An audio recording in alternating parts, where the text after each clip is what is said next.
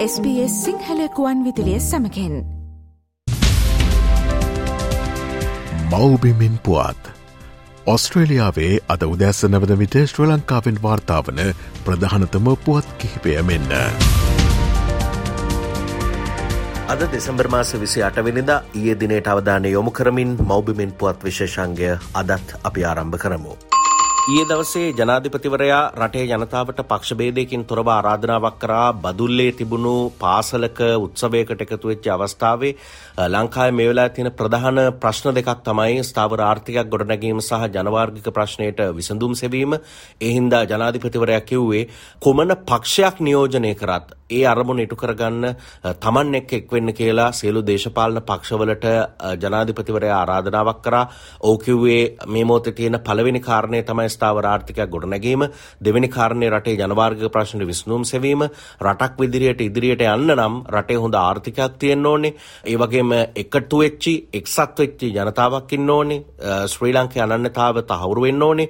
සිංහල දෙමළ මුස්ලිම් මොන ජාතියට අයිති වුණත් සියලු ජනතාව ශ්‍රී ලාංකිකයන් ඒ හින්දා බහුතරයක් සිටින්නේ සිංහල ජනතාව සිංහල අනන්‍යතාව ආගම සංස්කෘතිය ආරක්ෂා කරගින් ඉදිරියට යන්න කටයුතු කරනවා කොහොමුණත් ඒ සියලු කණ්ඩායම් ශක්තිමත් රටක් ගොඩනගන්න එකතු වෙන්න කියලා ජනාධිපතිවරයා ඊයේ දවසේ බදුල්ලේ උත්සවයකදී පොදුවේ සියලු දේශපාලනඥයින්ට සහ රටට ආරාධනාවක් කළා. ප්‍රමිතියෙන් තොර බාල ඖෂධ මිලදී ගැනීමේ සිද්ධියට අදාළ විමර්ශන තවමත් ක්‍රියාත්මක වෙද්දී ඊයේ දවසේ කේලිය රඹුක්වැල්ල හිටපු සෞඛ්‍ය අමාත්‍යවරයාගෙන් ප්‍රකාශයක් සටහන් කරගත්තා මාධ්‍යවේදීන් ප්‍රශ්න කරා කේලිය රඹුක්වැල්ල අමාත්‍යවරයාගේ මේ නිවසට ගිහිල්ලා අපරාධ පරීක්ෂණ දෙපාර්තමේන්තු නිලධාරී කණ්ඩායමක් ඔහුගේ විජේරාම් මාවතේ තිබුණු ගෙදරට ගිහිල්ලා ප්‍රකාශයක් සටහන් කරගත්තා. ඒ වගේම මේ බාලෞෂධ මිලදී ගැනීමේ සිද්ධියට අදාළව ප්‍රකාශ සටහන් කරගන්න අවස්ථාවේ ඖෂධ නියාමන අධිකාරී අධ්‍යක්ෂවරයෙක් කෙහෙලිය රඹුක්වැල්ල අමාත්‍යවරයාගේ නීතිඥවරයා ලෙස පෙළී සිටීමත් ගැටලු සාගතයි කියලා සෞඛ්‍ය වෘත්තීය සමිතිය සඳහන් කරනවා. එතකොට මීට අදාළව ඊයේ දවසේ නැවතත් සෞඛ්‍ය අමාත්‍යංශයේ හිටපු ලේකම්වරයා ඇතුළු කණ්ඩායම තවදුරටත් බන්ධනාගාරගත කරන්න කටයුතු සූදානම් කරලා තිබුණා. ඉතින් මේ ක්‍රියාව සම්බන්ධයෙන් මාධ්‍යවේදීන් පොලිස් මාධ්‍ය ප්‍රකාශකවරයාගෙනුත් ප්‍රශ්න කරන්නට යෙදුනා. සමාජ මාධ්‍යවල ප්‍රශ්න කරමින් සිටිනවා මේ හිමොග්ලොබින් සිද්ධියේදී අනිත් ඔක්කොම සැකකරුවන් CID එකට වෙත පැමිණ ප්‍රකාශ දුන්න කියලා දැන් මේ ඇයි මේ රහස් පොලිසිය මේ කැලිය ඇමතුමා ගෙදරට ගියේ කියලා. ඒ පිළිබඳව ඔබතුමාට වාර්තා කරලා තියෙනවා. මේ සම්බන්ධව සමාජ මාධ්‍ය ජාලවල සහ මාධ්‍යවල පළවීම සමග මම අපරාධ පරීක්ෂණ දෙපාර්තමේන්තු වාර අධ්‍යක්ෂවරයාගෙන් සම්බන්ධ විමසීමක් කරා. ඔහු දැනුම් දුන්නේ මේ විමර්ශනයේ තවදුරටත් පවතිනවා. නමුත් මෙහිදී විශේෂයෙන් සිද්ධ වුණේ අමාත්‍යතුමා විසින් දැනුම් දීමක් කරලා තිබුණා අපරාධ පරීක්ෂණ දෙපාර්තමේන්තුවට යම් කිසි ආකාරයකට මේ අදා විමර්ශනයට අදාළව යම් සාක්ෂි වැනි දේවල් ඔහු සතුව තියෙනවා. ඒවා අපරාධ පරීක්ෂණ දෙපාර්තමේන්තුවට ලබා දීමේ හැකියාව තියෙනවා. ඒ සඳහා අවස්ථාවක් ලබා දෙන්න කියන ඉල්ලීමක් ලැබිලා තිබුණා. ඒ ඉල්ලීම අනුව තමයි අපරාධ පරීක්ෂණ දෙපාර්තමේන්තුවේ නිලධාරීන් ඊයේ දිනේදී ඒ මහතාගේ නිවසට ගිහිල්ලා මේ ප්‍රකාශය අදාළ සාක්ෂි ලබා ගන්න. එහෙම නැත්නම් මේ ප්‍රකාශයක් ඔහු ඒ අමාත්‍යතුමා විසින් දෙන ප්‍රකාශය සටහන් කිරීමට කටයුතු කරේ. මොකද අපරාධ පරීක්ෂණ දෙපාර්තමේන්තුව විසින් ප්‍රකාශයක් ලබා ගැනීමට තීරණය කර ලබාගත් ප්‍රකාශයක් නෙවෙයි. අමාත්‍යතුමා විසින් ලබා දීමට ඉදිරිපත් වූ ප්‍රකාශය තමයි ඊයේ දිනේදී ලබාගත්තේ. ඒ අනුව ඒ ප්‍රකාශය මත ලැබෙන යම් සාක්ෂි ඉදිරිපත් කළ තැනක් ඒව මත විමර්ශනය කළා. ඉදිරි දිනකදී සමහර විට අපරාධ පරීක්ෂණ දෙපාර්තමේන්තුව ඉදිරි ප්‍රකාශයක් ලබා ගැනීම සඳහා තීරණය කරයි.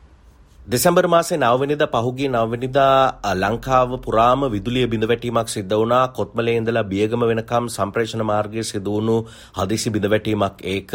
කොමුණත් මේ සම්බන්ධයෙන් ඊයේ දවසේ සඳහනක් වුණා. කියන්නේ දිවයින පුරා සිදුවුණු හදිසි විදුලිය බිඳ වැටීම තම මණ්ඩලය අතින් සිද්ධ වෙච්ච වරදක් බවට ලංකා විදුලි බල මණ්ඩලය පිළිගෙන තියෙනවා කියලා මහජන උපයෝගිතා කොමිෂන් සභාව සඳහන් කරා. පැය පහකට ආසන්න කාලයක් විදුලිය බිඳ වැටීම යථා තත්වයට පත් කිරීමට නොහැකි වීම. මණ්ඩලයේ ගැටලුකාරී තත්වයක් බව ඔවුන් සඳහන් කළා. ඒ වගේම ඒ ආකාරයෙන් හදිසි විදුලි බිඳ වැටීමක් සිද්ධ වෙච්ච අවස්ථාවක අතිරේක විදුලි ජනනයක් පවත්වාගෙන යන්න ඕනේ. නමුත් පිරිවැය නැති නිසා අතිරේක විදුලි ජනනයක් සිද්ධ කරන්න එවැනි විදුලි ජනනයක් පවත්වාගෙන යන්න නොහැකිවීම පිළිබඳව විදුලි බල මණ්ඩලය ප්‍රකාශ කරා කියලා මහජන උපයෝගිතා කොමිෂන් සභාව සඳහන් කළා. නමුත් මේ සඳහන් කිරීම නිවැරදි නොවන බව මහජන උපයෝගිතා කොමිසම මෙවැනි ප්‍රකාශයක් සිද්ධ කිරීම ගැන ලංකා විදුලි බල මණ්ඩලයේ නිවේදනයක් නිකුත් කරලා තියෙනවා. ඔවුනුත් සඳහන් කරනවා විදුලි බල මණ්ඩලය මේක පිළිගත්තා කියලා මහජන උපයෝගිතා කොමිෂන් සභාව කරලා තියෙන ප්‍රකාශය ප්‍රතික්ෂේප කරනවා කියලා නිවේදනයක් නිකුත් කරලා ලංකා විදුලි බල මණ්ඩලය සඳහන් කරලා තියෙනවා. රොෂාන් රණසිංහ ක්‍රීඩා මාත්‍යවරයා ක්‍රීඩා සංගම් සමග කටයුතු කරපු ආකාරය සම්බන්ධයෙන් පහුගිය කාලේ යම් ගැටලුවක් තිබුණු බව සඳහන් වුණා. ඉන් අනතුරුව ඔහුට ක්‍රීඩා විෂය අහිමි වුණා. දැන් හරින් ප්‍රනාන්දු අමාත්‍යවරයා ක්‍රීඩා විෂයට අදාළවත් කටයුතු කරමින් ඉන්නවා. ඊයේ දවසේ අපි දැක්කා ක්‍රීඩා සංගම් දෙකක ක්‍රීඩා සම්මේලන තුනක ලියාපදිංචිය తాවකාලිකව අත්හිටුවලා හරින් ප්‍රනාන්දු අලුත් ක්‍රීඩා මාත්‍යවරයාත් ගැසට් නිවේදනයක් නිකුත් කරලා තිබුණා. ඒ අනුව 1973 අංක 25 දරන ක්‍රීඩා පනත ඒ වගේම ඊට අදාළ සංශෝධන මේ ඊට ප්‍රකාරව තමයි මේ ගැසට් නිවේදනය නිකුත් කරලා තියෙන්නේ. ඒ අනුව ශ්‍රී ලංකා දුනු ශිල්ප සංගමය, ශ්‍රී ලංකා කබඩි සම්මේලනය, ශ්‍රී ලංකා මල්ලවපොර සම්මේලනය, ඒ වගේම ශ්‍රී ලංකා බ්‍රිජ් සම්මේලනය, ශ්‍රී ලංකා ජාතික රෝද සපත්තු සංගමය මේවා තහනම් කරමින් තමයි తాවකාලිකව අත්හිටුවමින් තමයි ක්‍රීඩා මාත්‍යවරයා මේ ගැසට් නිවේදනය නිකුත් කරලා තියෙන්නේ.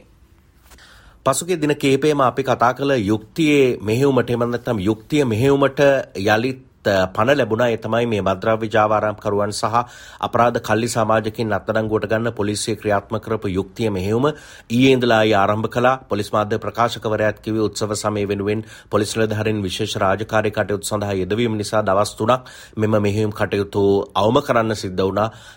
නමුත් මේ වන විට මද්‍රව්‍ය සිද්ධීන් වලට සම්බන්ධ පුද්ගලයන් 13666 දෙනෙක් අත්අඩංගුවට අරගෙන තිබුණා. ඒ වගේම 1097 දෙනෙක් පුනරුත්ථාපනය සඳහා යොමු කරන්නත් කටයුතු කරා කියලා පොලිස් මාධ්‍ය ප්‍රකාශකවරයා සඳහන් කළා. ඒ අනුව උත්සව සමය නිසා දවස් 3කට නැවතුණු යුක්තිය මෙහෙයුම නැවතත් ක්‍රියාත්මක වෙලා තිබෙනවා. එමනම් හෙට දිනේත් ශ්‍රී ලංකාවේ සිට ශ්‍රී ලංකාවේ සිදුවීම් පිළිබඳ තොරතුරු ඔබට ගෙනෙන බලාපොරොත්තුවෙන් මම සමුගන්නවා ශ්‍රී ලංකාවේ සිට මනෝජ් උදටියාවල. මෞබිමෙන් පුවත් ශ්‍ර ලංකාවෙන් වාර්තාාවන ප්‍රධානතම පුවත් කිහිපය SBS සිංහල සේවෙන්.